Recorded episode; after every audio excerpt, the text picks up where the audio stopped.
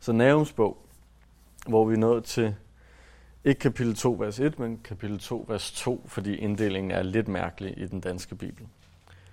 Øh, der er tre overordnede temaer i Nahums bog, som vi også kiggede på sidste gang. Det første er, at Gud han kan vælte et hvert rige, uanset hvor stort og mægtigt det er.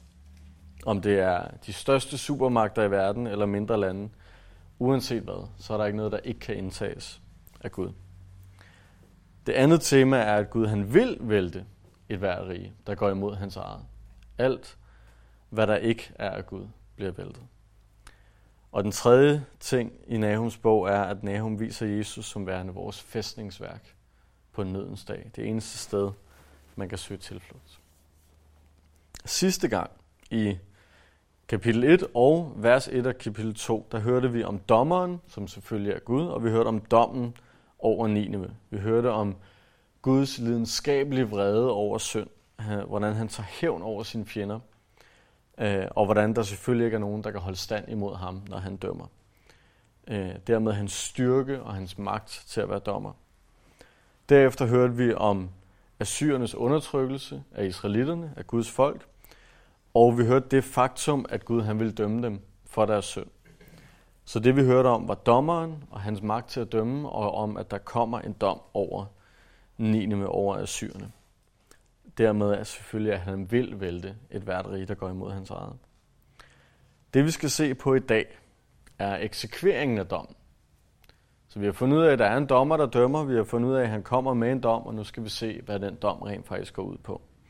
Hvordan det kommer til at foregå. De næste to kapitler her i Nahum er så at sige en grafisk afbildning af et stort militært angreb, som Nahum ikke har set øh, ægte i levende liv, men han har fået et syn, som der står i vers 1, hvor han ser det her angreb, hvad der kommer til at foregå. Og det er Gud, der står bag det, det er Gud, der orkestrerer det, og dermed viser han, at han kan vælte et hvert rige, som var en del af de tre temaer. Vi starter med kapitel 2, fra vers 2, og vi ser den første beskrivelsen, beskrivelse af ødelæggelsen af Nineve, fra vers 2 til 14. Så vers 2 til 4 starter vi med. Vi starter lidt bagfra øh, med de her vers. Men lad os læse vers 2 til 4. Ødelæggeren drager op mod dig. Sæt vagt på fæstningen. Hold udkig med vejen. Spænd bæltet om lænden. Samle al din kraft. For Herren gætterbrætter Jakobs stolthed, Israels stolthed. Herværksmænd havede, de ødelagde vinrankerne. Deres helte skjolde er blodrøde. Krigerne er klædt i purpur. Vognenes stål er som ild, når de køres frem. Hestene stejler. Så som sagt, vi starter lige bagfra med de her vers i vers 4, tager hovedpointen først. Undskyld, vers 3. Det er Herren, der genopretter Israels stolthed. Det er, hvad den her udlæggelse handler om. Øh, deres stolthed kan også være deres pragt, deres storhed. Øh, det er ikke nødvendigvis noget, som øh, man kan sige er en, en dårlig form for stolthed. Vi ved, at hovmod og stolthed er en dårlig ting, men det her taler mere om det, der er stort i Israel. Deres storhed genopretter Gud. Det betyder, at det er Gud, der står bag det her. Alt, hvad vi læser i de næste to kapitler, er Gud ophavsmanden til. Og han er det for Israels skyld, for sit folks skyld. Det er på grund af Assyrernes ondskab mod Israel, blandt andet, øh, at Gud han gør det her. Det er Gud, der sidder på tronen. Det er hans finger hele vejen igennem.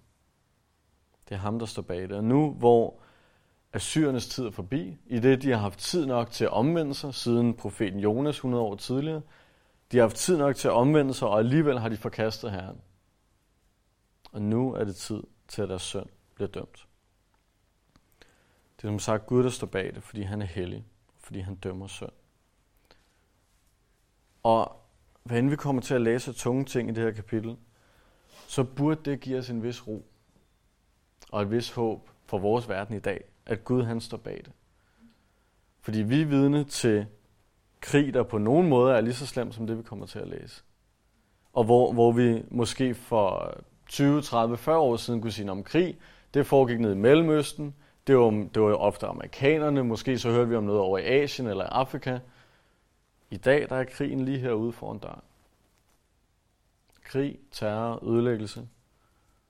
Vi har set det komme op igennem Europa, sydfra og mod nord. Det seneste er, at de begyndte, der har selvfølgelig også været Danmark, det seneste er, at Tyskland bliver ramt af gentagende angreb. Der går ikke lang tid, så er det også her i Danmark. Men midt i alt det, der har vi en Gud, som ikke er overrasket. Vi har en Gud, der ikke bliver taget på sengen, som ikke bliver skræmt af det her. Han har styr på det. Hvordan end verden den kommer til at gå og lave på et eller andet tidspunkt, så er det en del af Guds plan. Det er den vej, han ønsker, at verden skal gå. For at han kan bringe godt ud af det til sidst. Nå, tilbage til teksten. Ødelæggeren står der som det første i vers 2. Ødelæggeren, han er også omtalt som han eller ham i det næste på vers. Det er en gud, der hedder Nabopolassar. De var ikke særlig gode til navne dengang. Nabopolassar er åbenbart noget, man kaldte sin, sin knæk dengang. Han er babyloner, og det er altså ham, Gud sender for at dømme Nineve. Han er ødelæggeren i de her kapitler. Øh, sammen med ham, det er, han står ikke nævnt her, men sammen med ham ved vi fra sekulær historie, at der er en gud, der hedder Kyaxares fra Medien. Igen, de gode drengenavne, man, man kan vælge herfra. Nabopolassar, han var tidligere embedsmand i Assyrien. Han var højtstående i Assyrien. Men af en eller anden grund, som jeg ikke er sikker på hvorfor, var han utilfreds med kongen i Assyrien. Så han startede sin egen lille provins, som blev kendt som Babylon, som vi selvfølgelig har hørt om før. Han startede sit eget lille kongerige og gjorde oprør mod Assyrien. Og det gjorde han så sammen med ham her, Kyrxares fra Medien. Sammen med de her to, så var der også et folk, der hed Skyder. Der var ikke helt lige så mange af dem, derfor er de ikke lige så kendt i, i den her sammenhæng. Kyrxares, udover at være med i det her komplot, så er han senere, bliver han oldefar til kong Kyros den Store, øh, som du måske har hørt om før. Han blev konge, ja, bliver der, der bliver nikket, det er altid noget. Han var konge over Perseret og andre territorier. Kyrxares her, han var det, der hedder Mede fra Medien. Og hans søns datter, så hans barnebarn, bliver gift med den persiske konge, for at de ligesom kan skabe en alliance. Det er det, der blev kendt som det medo-persiske rige, eller bare perseret, fordi de var størst. Så Kyrxares' barnebarn bliver gift med en persisk konge, og de får sammen kong Kyros, som blev en af de største konger på det her tidspunkt i perseriet. Øh, det er jo et ham, der er nævnt, profeteret om ham i Esajas 44-45. Han er også nævnt i øh, Esras bog og i 2. krønike i slutningen, kapitel 36, hvor han er ham, der løslader jøderne fra Babylon og giver dem lov til at drage hjem til Juda, til Jerusalem. Men det er selvfølgelig en helt anden historie. I den her historie, der har vi de her to gutter, Nabopolassar, som er den primære, og Kyrxares, der drager med ham. Og de drager op for at ødelægge Nineveh. For at ødelægge Assyrerne. Og derfor så starter Gud her i vers 2 med at advare Assyrerne. Sådan lidt hånligt. Han siger, sæt vagt på fæstningen, hold udkig, spænd bæltet om lænden, samle al din kraft. Han advarer dem på forhånd og siger, der kommer et angreb. Det er mig, der står bag det, så I har ikke nogen chance, bare så I ved det. Men der kommer et angreb, så gør I jer bare klar. Forbered I jer bare på noget krig. Nineve var enorm på det her tidspunkt. Forestil jer en kæmpe, kæmpe by. Gammel, øh, tag en gammel ridderfilm. Forestil jer de her store borge, der bliver besat af to andre konger. De troede, at de var umulige at slå Nineve. Det var den største supermagt, den her jord havde set. Og pludselig så kommer der to oprørere med deres små, fine herrer og belejrer den her by. Nine var overbevist om, det er ligegyldigt. Det er ligegyldigt. Det skulle de fortryde senere hen. Vi læser videre. Vi tager vers 4 igen. Deres helte skjolde er blodrøde. Krigerne er klædt i purpur. Vognene stål er som ild, når de køres frem. Hestene stejler. Vognene raser igennem gaderne, stormer hen over tårne. De ser ud som fakler, som lyn far de hid og did. Han kalder sine heltekrigere frem.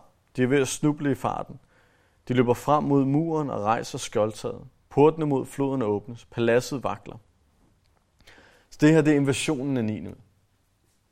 De belejrer byen, og så invaderer de. Øh, og det er selvfølgelig specifikt herren, der er beskrevet her. Der står, at de har skjolde klædt i rødt blod, krigere klædt i purpur. Purpur, som er den royale, kongelige farve ofte i Bibelen. Det er et tegn på erobring og sejr. Det er det, de kommer med og siger, vi har tænkt os at erobre jer. Øh, og der står selvfølgelig, at krigerne de raser frem mod byen. Øh, der er de her vogne, der raser afsted gennem gaderne. Øh, og paladset vakler, står der også til sidst. Rød og purpur var i øvrigt det er nok ikke tilfældigt, men det var henholdsvis babylonernes og medernes militærfarver. Det var det, de havde på, som ligesom viste, det her det er vores her. Mens assyrerne, de var blå. Så hvis I har en yndlingsfarve af de tre, så kan I selv bestemme, hvilket hold I vil være med på. Hun stilles nøgen frem og føres bort. Hendes trælkvinder sukker. Det lyder som duer. De slår sig for brystet. Niende er som en dam, hvis vand strømmer ud. Stans, stans, men ingen kan vente. Nineve fremstår her som en nøgen kvinde, der har mistet alt og ikke kan forsvare sig selv. Der er ikke nogen, der kan stanse det her angreb. Der er ikke nogen, der kan stanse den her dom, som Gud han kommer med. Tag sølv, tag guld som bytte. Der er ingen ende på forrådene. En rigdom på alt. Kostbarheder. Hervet, tomt og øde. Hervet, øde og tomt, undskyld. Ængstede hjerter og vaklende knæ, alle med skælvende lænder og hede ansigter. Nineve troede ikke, at de her to oprørere ville være noget problem. Og nu står der, at de er havet, øde og tomt. Der står i den gamle oversættelse fra 31, der står tomt og tømt og udtømt. Så er man altså blevet tømt, hvis man er tomt, tømt og udtømt. Tabet og faldet af den her by er enormt. Der er intet tilbage. I 300 år, 300 år cirka, havde Assyrerne været supermagten i den her verden. De havde plyndret og røvet og ravet til sig for alle andre i nærheden. Nu var det tid til, at det kunne fosse ud igen. Alt blev havet i Nineveh. Hvor er nu løvernes tilholdssted? Stedet, hvor ungløver fandt føde, hvor løve, hundløve og løveunge færdedes, uden at nogen jog dem bort. Løven tog bytte til sine unger, den dræbte til sine hundløver. Den fyldte sin hule med bytte og sit bo med rov. Jeg kommer over dig, siger herskers herre. Din hule ryger jeg ud, og din ungløver skal sværet fortære. Jeg udrydder dit bytte i landet, og din hundløvers brøl høres ikke mere. Det her er moralen i det her kapitel. Nineve er beskrevet som løvernes tilholdssted. Jeg tror ikke, det er tilfældigt, fordi Assyriens nationale emblem, eller et af dem i hvert fald, var en løve. Assyrerne var verdens løver. Dyrenes konger, så at sige. Supermagten over dem alle. Og Nineve er hovedstaden. Det er centrum for det hele. Nineve var byen over alle byer i stedet for konger og mægtige kriger. Den største magt i verden lå i den her by. De tog bytte og rov, og de tog nok til både deres hundløver og deres ungløver. Det skortede ikke på noget som helst. Livet var godt i Nineve. For de var de stærkeste, de var de mægtigste, de var dermed også de rigeste. Det var Nineve på det her tidspunkt. Men nu kommer herskers herre over dem. Der står, jeg kommer over dig, siger herskers herre. En ting, man ikke har lyst til, at Gud skal sige om en. Jeg kommer over dig. Eller sagt på en anden måde. Jeg er imod dig. Tænk så at stå på den ene side og have Gud sige til en, jeg er imod dig. Ikke bare babylonerne, ikke bare Rusland eller islamisk stat, eller hvad ved jeg. Men Gud selv er imod dem. De var de mægtigste, den her jord havde set. Men Gud er langt mægtigere. Der står i henholdsvis Jol 4.16 og Amos 1.2, at når Herren brøler for Sion, så skælver himlen og jorden og selve bjergtoppene visne. Assyrerne var den her verdens løver. Men når Herren brøler for Sion, så er der ikke nogen, der står ham imod. Så er han en endnu mægtigere løve. For at prøve at sætte det her en lille smule relief. For jeg tænker i hvert fald selv, man kan sige mange ting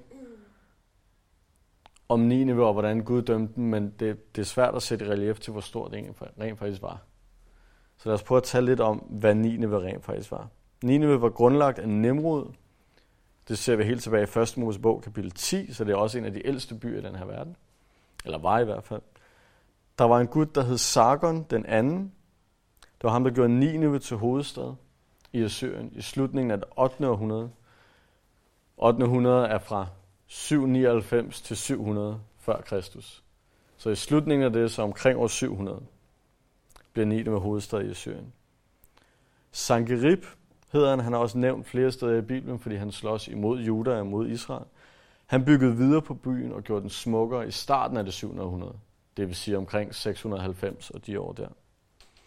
Han byggede både templer, paladser, sågar også et bibliotek. Det er jo en klog gud, der gør det. Øh, Sankerib byggede også en bymur, som lå langs Tigrisfloden, en af de store floder øh, i Mellemøsten og Asien på det her tidspunkt. Den her mur, som gik rundt om byen, den er minimum 12-15 meter høj.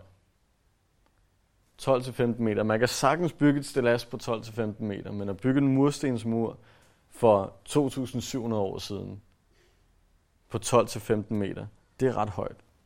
Der er nogen, der mener, at den var helt op mod 33 meter. Og der, de samme mener, at der vil kunne køre tre hestevogne ved siden af hinanden oven på den her mur. Så den har ikke bare været høj, den har jo så også været, hvad ved jeg, hvor, hvor bred er tre biler? En 10 meter bred måske. Det er en høj mur. Nineve, Nineves centrum, Nineve by, var cirka 5 km høj og 2 km bred. Og den her mur hele vejen rundt om, som så cirka har været 13 km. Øh, det er selve Nineve, Indre by. Det er, som vi vil sige, Københavns centrum. Og de havde den her kæmpe mur rundt om.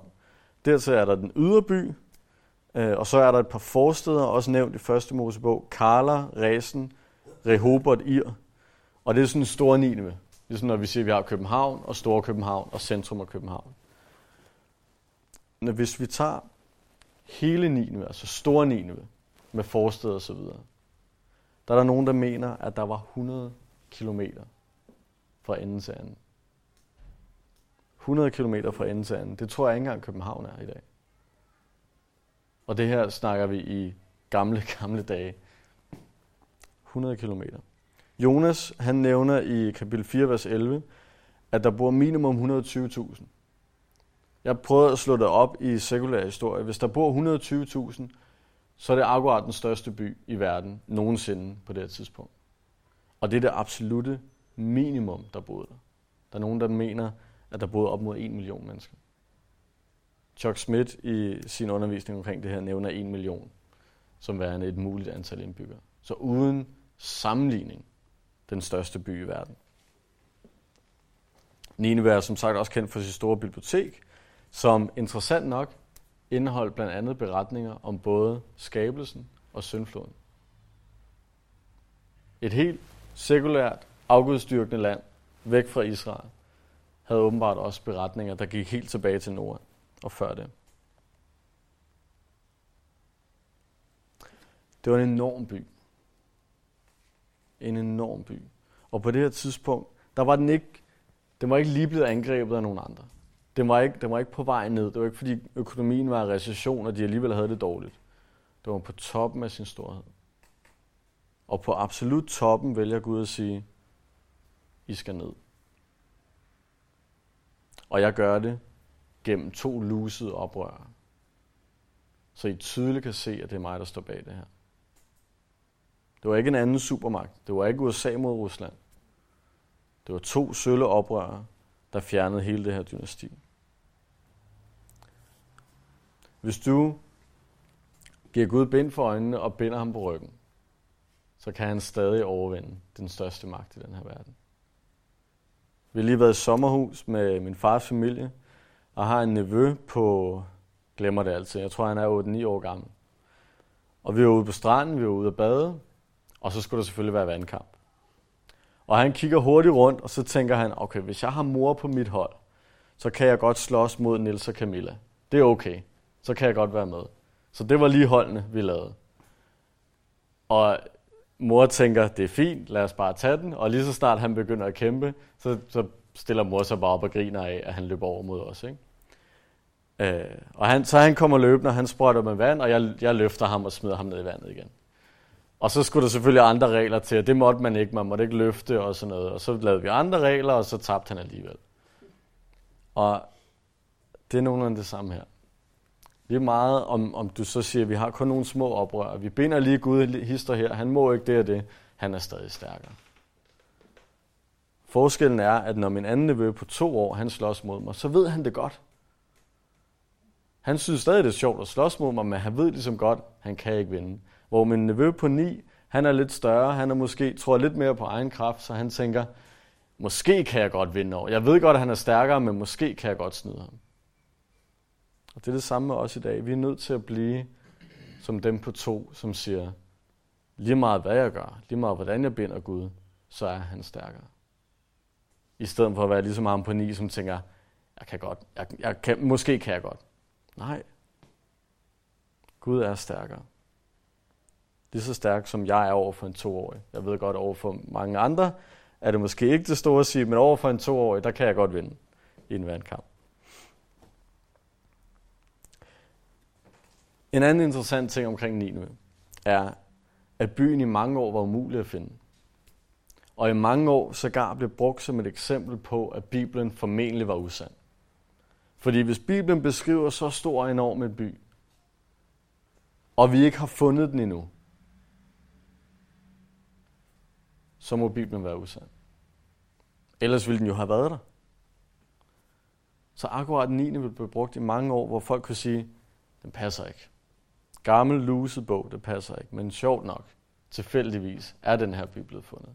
I 1847, lang tid siden for vores vedkommende, blev den opdaget og udgravet af en gut, der hed Austin Laird.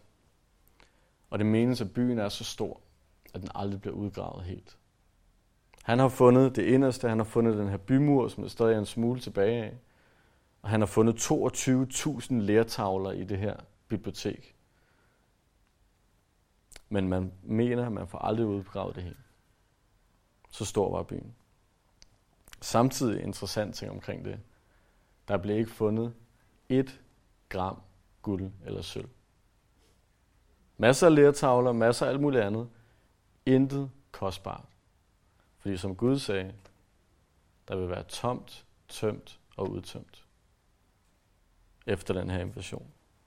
Intet blev der fundet. Det sidste, der skal nævnes om 9. er lidt om, hvorfor de skulle straffes.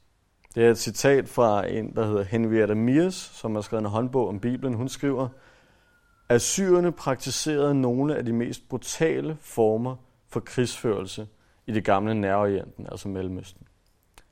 Det inkluderede at spide deres fjender, mens de stadig levede, og flå dem levende, altså skralde huden af dem, og begrave dem levende inde i bymure af ler og mursten. Så når de havde indtaget en by, og selvfølgelig smadret noget af muren og skulle bygge den op igen for at kunne forsvare byen næste gang, så tog de nogle af deres fanger og byggede ind i muren for at plage dem. En anden måde, de nogle gange behandlede deres overvundne fjender på, var at deportere dem til helt andre regioner for at nedbryde deres nationalfølelse og deres iver til at, at kæmpe tilbage. Så det er et helt andet land. Når de transporterede de her fanger, så gjorde de det på en smart måde. De tog nogle store fiskekroge og satte kinderne på dem. Og så bandt de kæder mellem alle fangerne. For på den måde, hvis du sakter bagud, så bliver du trukket med frem. Der er ikke nogen, der sakter bagud. Fordi de bliver trukket i kinden af en krog, og derfor så gør du, hvad du kan for at følge med. Hvis du ikke var stærk nok til at følge med, rev den kinden op. Det var sådan, de transporterede deres fanger. Det var det, de udsatte andre mennesker for. Nineve er i Bibelen et symbol på menneskets ondskab mod andre mennesker. Det er et af de lande, eller en af de nationer i verden, som har gjort de absolut mest skrækfulde ting mod andre mennesker. Babylon er i Bibelen lidt mere kendt. Babylon er stedet, symbolet for menneskets ondskab mod Gud, for afgudstyrkelse, for at sætte Gud nederst i hierarkiet. Men Nineve er menneskets vold og ødelæggelse over andre mennesker. Og nu i kapitel 3, der skal vi se sammenhængen mellem den her ondskab og den straf, de modtager. Vi ser først på de første syv vers her i kapitel 3, som er den anden beskrivelse af ødelæggelsen af Nineve, hvor Gud igen gentager, jeg kommer over dig. Vers 1. Ved blodets by, altid falsk, fyldt med rov, aldrig mangler den bytte. Som vi har set på, så var Assyrien ikke bange for at have andre nationer og gå på rov. Der var altid fyldt med rov. Aldrig mangler den bytte. Det var en blodets by. Og de vil blive straffet ved på samme måde at blive havet og røvet. Hør piskens smæld, julenes larm, galopperende heste og raslende vogne, fremstormende ryttere, flammende svær og lynende spyd, mængder af dræbte, masser af døde, utallige lig, man snubler over lig. Igen ser vi den her angribende her, som er malende beskrevet. Der bliver smurt tyk på, flammende svær, lynende spyd, enorm mængde lig. Det er for at understrege, hvor stort det her nederlag det er for Nineve. Så står der i vers 4, det skyldes skøens hår. Hun var indtagende og kyndig i trolddom. Hun besnærede folkeslag med sit hår og folk med sin trolddom. Jeg finder noget meget interessant i det her vers. Vi får lidt at vide om, lidt mere om 9. ved synd, udover de ting, vi ved fra sekulær historie. For ikke nok med, at de var krigeriske, brutale, hervede og var onde mod folk, de dyrkede også trolddom, hvilket herren afskyr, står der i 5. Mosebog, kapitel 18. Og de bliver sammenlignet med en skøge, der bedriver hår, hvilket ofte i bibelsk kontekst er afgudstyrkelse. Ser vi blandt andet i Hoseas og flere af de andre små profeter. Og det er interessant. Det er interessant, at Gud han kigger på en hedningenation. En nation, som det eneste åbenbaring, de har fået fra Gud, er fem ord fra profeten Jonas 100 år tidligere. De har ikke Mosebøgerne. De har ikke de historiske bøger. De havde ikke profeter rendende hele tiden. De havde ikke David, der kunne skrive nogle salmer. De havde ikke den samme åbenbaring. De havde fem ord fra Jonas. Det var den åbenbaring, de havde. Og alligevel, så straffer Gud dem for at dyrke afguder. Så straffer han dem for ikke at dyrke ham. Herren er Gud over hele jorden. Og han er åbenbar for hele skabningen. Og han er åbenbar i skabningen. Læs blandt andet salme 19 og Romerne 1 for mere om det. Der er, der er ikke nogen undskyldning. Der, der, er ikke, der er ikke nogen undskyldning for ikke at se skaberen i skabningen. For han er skaben, skaberen af hele skabningen. Så selv Assyrerne er en del af Guds skabning og burde derfor tilbede ham alene på grund af det. Også selvom de ikke kender ham som fader, som frelser, messias, hvad vi ellers kender ham som. Alene det, at han er skaberen, gør, at han er værdig til at blive lovprist og til at blive tilbedt. Langt mere værdig end skabninger, de selv kunne finde på. Så står det til sidst her i, i de første syv vers. Jeg kommer over dig, siger herskars herre. Din skørter slår jeg op i ansigtet på dig, og lader folkeslag se dit skød og kongerige din skam. Jeg dænger dig til med skarn. Jeg forneder dig og stiller dig til skue. En hver, der ser dig, vil flygte for dig og sige, Nineve er ødelagt. Hvem ynker hende? Hvor finder jeg nogen, der vil trøste dig? Så igen gentager Gud, jeg vil komme over dig. Jeg er imod dig. Og han understreger, at deres ødelæggelse er total. I kapitel 2 så vi sammenligningen, at assyrerne var som løver, der gik på rov, og derfor vil de selv blive ødelagt, selv blive røvet. Og nu ser vi, at de er som en skøge, der horer, og derfor bliver de selv blive gjort nøgne og til skam, står der. Det er tung læsning, men på sin vis er det også poetisk læsning. Tingene passer sammen. De får den straf, der passer til den forbrydelse, de har gjort. Assyrerne havde ødelagt så mange hjem i omkringliggende nationer, og nu vil de selv blive drevet ud fra deres egen hjem.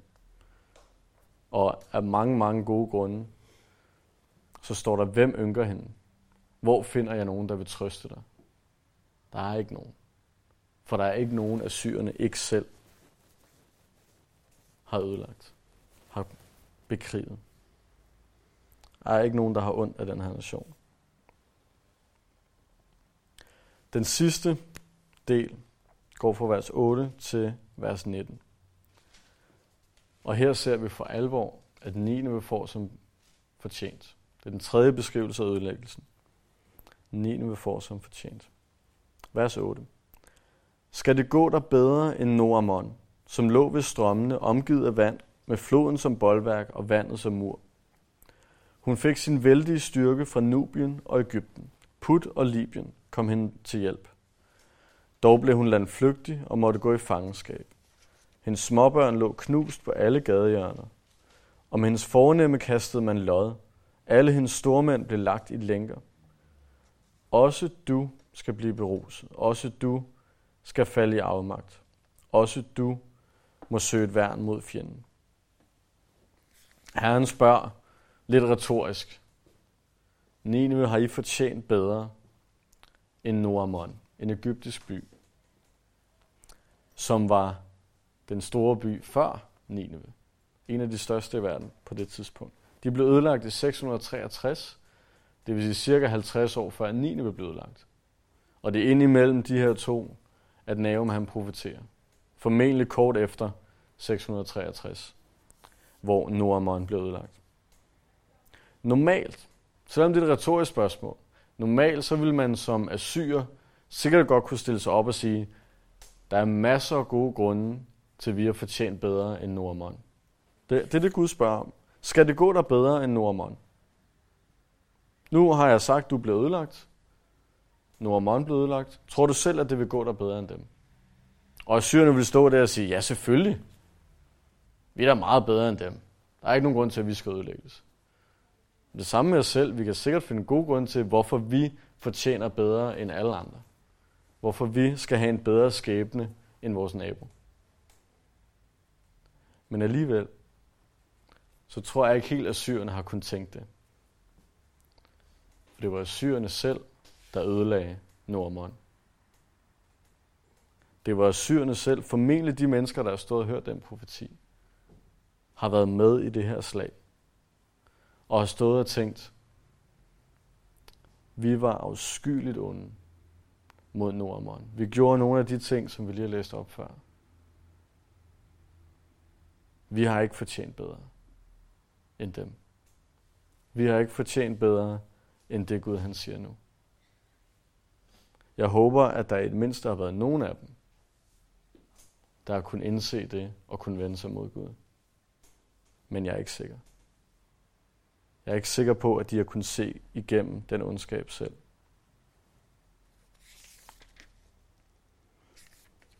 Der stod i vers 10, vi ser i vers 8 og 9, at Noamon, de var store, de var stærke. Og så står der i vers 10, at til trods for det, så blev hun landflygtig og måtte gå i fangenskab. Hendes småbørn lå knust på alle gadehjørner. Står der videre, at der blev kastet lod om hendes fornemme. Alle store mænd blev lagt i lænker. Der har stået folk i Nineve og hørt den her profeti fra Nahum.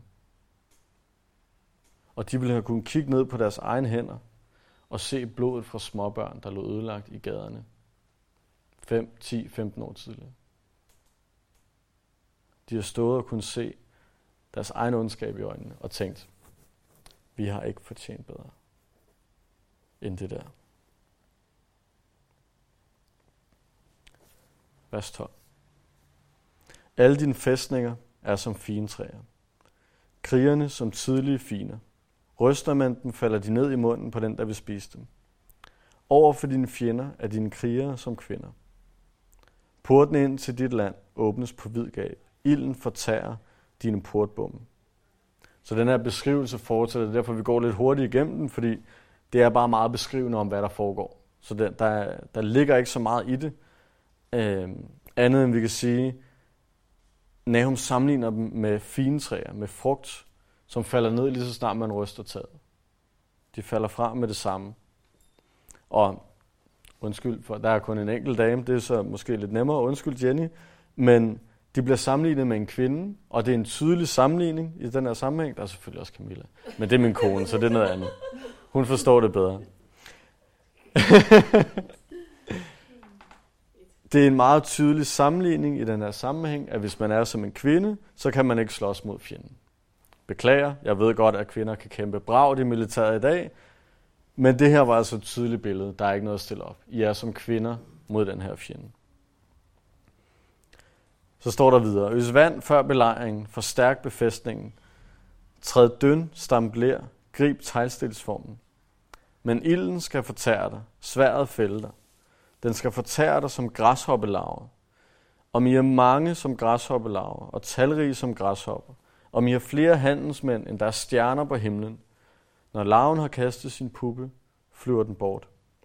Dine officerer er som græshopper, dine befalingsmænd som græshoppe sværme, der slår sig ned på stengader, så længe det er koldt. Når solen står op, flyver de væk. Ingen ved, hvor de er, hvor de er henne. Dine hyrder sover af syrekongen. Dine stormænd er faldet i søvn. Dit folk er spredt over bjergene. Der er ingen til at samle dem. Så igen, lidt hånligt advarer Gud, advarer Nahum af syrene og siger, gør jeg klar til krig. Prøv bare. Prøv bare at være ham, som ham den 9-årige, der tror, han godt kan alligevel. Men det er uden håb. For der står, at selvom de er talrige som græshopper, som altid kommer i store, kæmpe sværme, i hvert fald i ørkenen i Nærorienten på det her tidspunkt, så er det stadig Gud, der er imod dem. Og derfor er de uden chance. Selv de ledende kræfter, der er nævnt officerer, befalingsmænd osv., de flygter, når fjenden står for døren.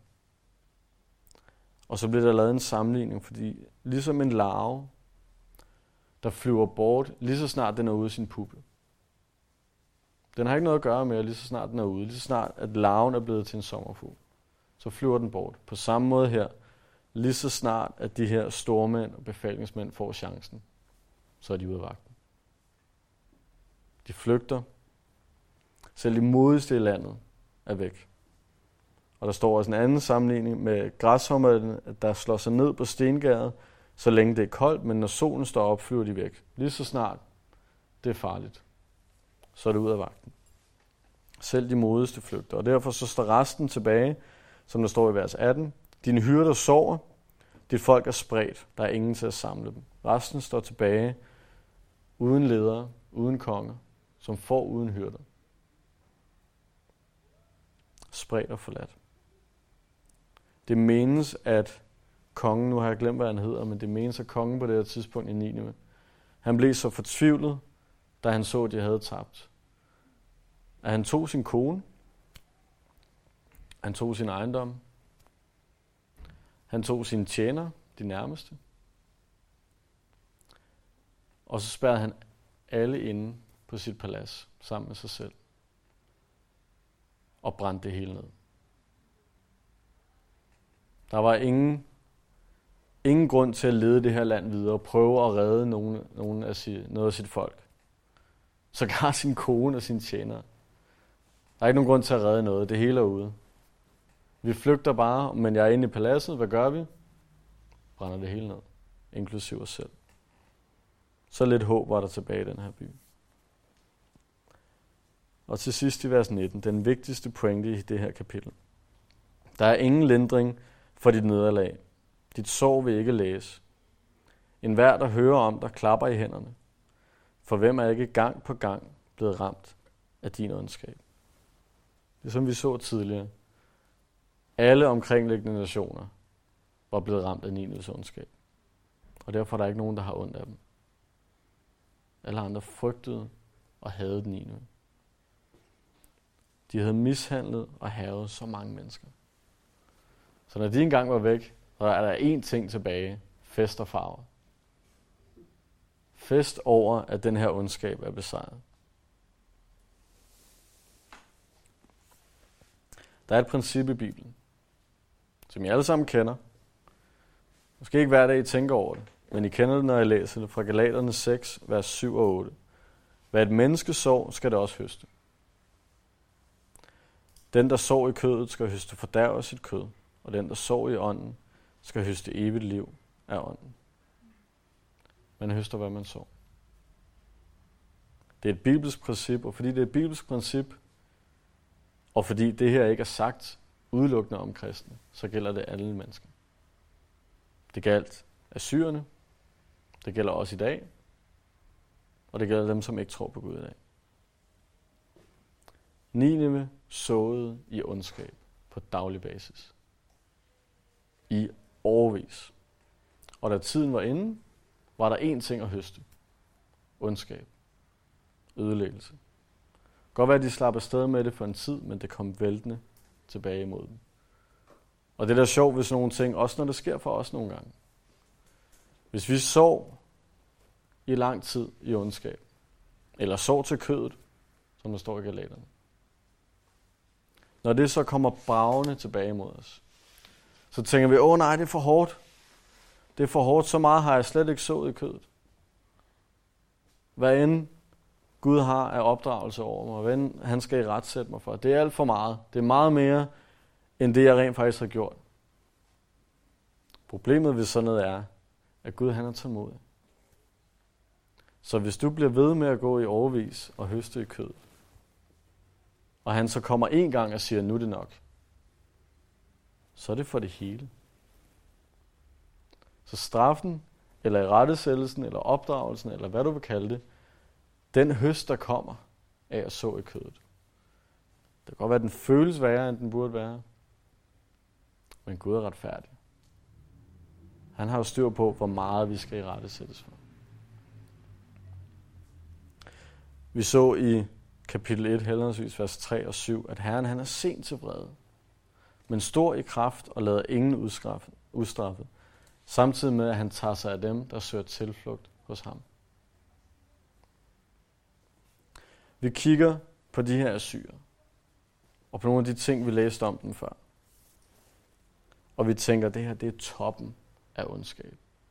Det er helt deroppe, hvor vi kan sammenligne med Hitler og andre skrækeksempler. Måden at behandle andre mennesker på. Det er lige før jeg vil våge den påstand, at de har været værre end Nazi-Tyskland. Måden de behandlede deres fjender på.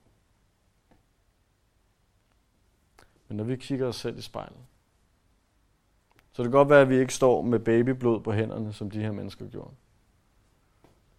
Men når vi sammenligner os selv med Gud, og når vi læser for eksempel bjergprædiken og ved, at den, der har had i sit hjerte mod sin bror, mod sin nabo, han har begået mor i sit hjerte. Når vi læser de ting, så har vi lige så meget blod på hænderne. Måske ikke fysisk, som de havde, men i sammenligning med Guds godhed. Vi har den samme syndige natur, som assyrerne havde. Vi har den samme skyld. Vi har lige så meget brudt Guds standarder. Og så jo, man kan måske gradbøje, hvem er værst, Hitler eller Nineve, mig selv eller Hitler. Vi er alle synder alle sammen. Vi har brudt standarden alle sammen. Men pris Gud, at han er god, som der står i kapitel 1, vers 7. Et værn på nødens dag. Og kender dem, som søger tilflugt hos ham. Tag imod dem, der søger tilflugt hos ham. Bær den skyld og den synd, vi har. Og jo, der er noget naturligt i, at hvis vi sår i kødet, så høster vi i kødet. Der er mange naturlige ondskaber, der følger med synd. Uden det nødvendigvis er Gud, der straffer for den synd, så følger der naturligt noget dårligt med at så i kødet. Men pris Gud igen, for han har givet os sin ånd og gør os i stand til og så i ånden. Han gør os i stand til at lægge alt det andet bag os. Og så i ånden i stedet for at høste evigt liv. Og jeg tror på, og det er noget af det, der er mest skræmmende ved den her bog. Jeg tror på, at den her bog blev skrevet for at give Assyrien en chance mere. Ligesom vi ser i alle de andre bøger, i de små profeter, at Gud han advarer folk, før han dømmer. Han prikker dem på skuldrene og siger, du kan stadig nu vende om. Du kan stadig nå at bekende din synd, og så skal jeg nok bære det hele. Og det skræmmende ved den her bog er, der gik omkring 50 år, så var Assyrien ikke mere. For der var ingen omvendelse tilbage. Så lektionen til os i dag er, lad være med at være som Assyrien på det her tidspunkt. Lad være med at, høste, at så i kødet, lad være med at høste i kødet. Så til ånden og venter mod ham. Lad os bede. Far, tak, at du giver os den chance. Tak, at du ikke bare efterlod os i vores synd til at ligge og, ja, ligge og rode rundt i det til evig tid. Her tak, at du giver os muligheden for at høste evigt liv. Tak, at vi gennem din søn, gennem det offer, kan tage imod dig og blive vasket ren og høste evigt liv. Det priser vi dig for her. Amen.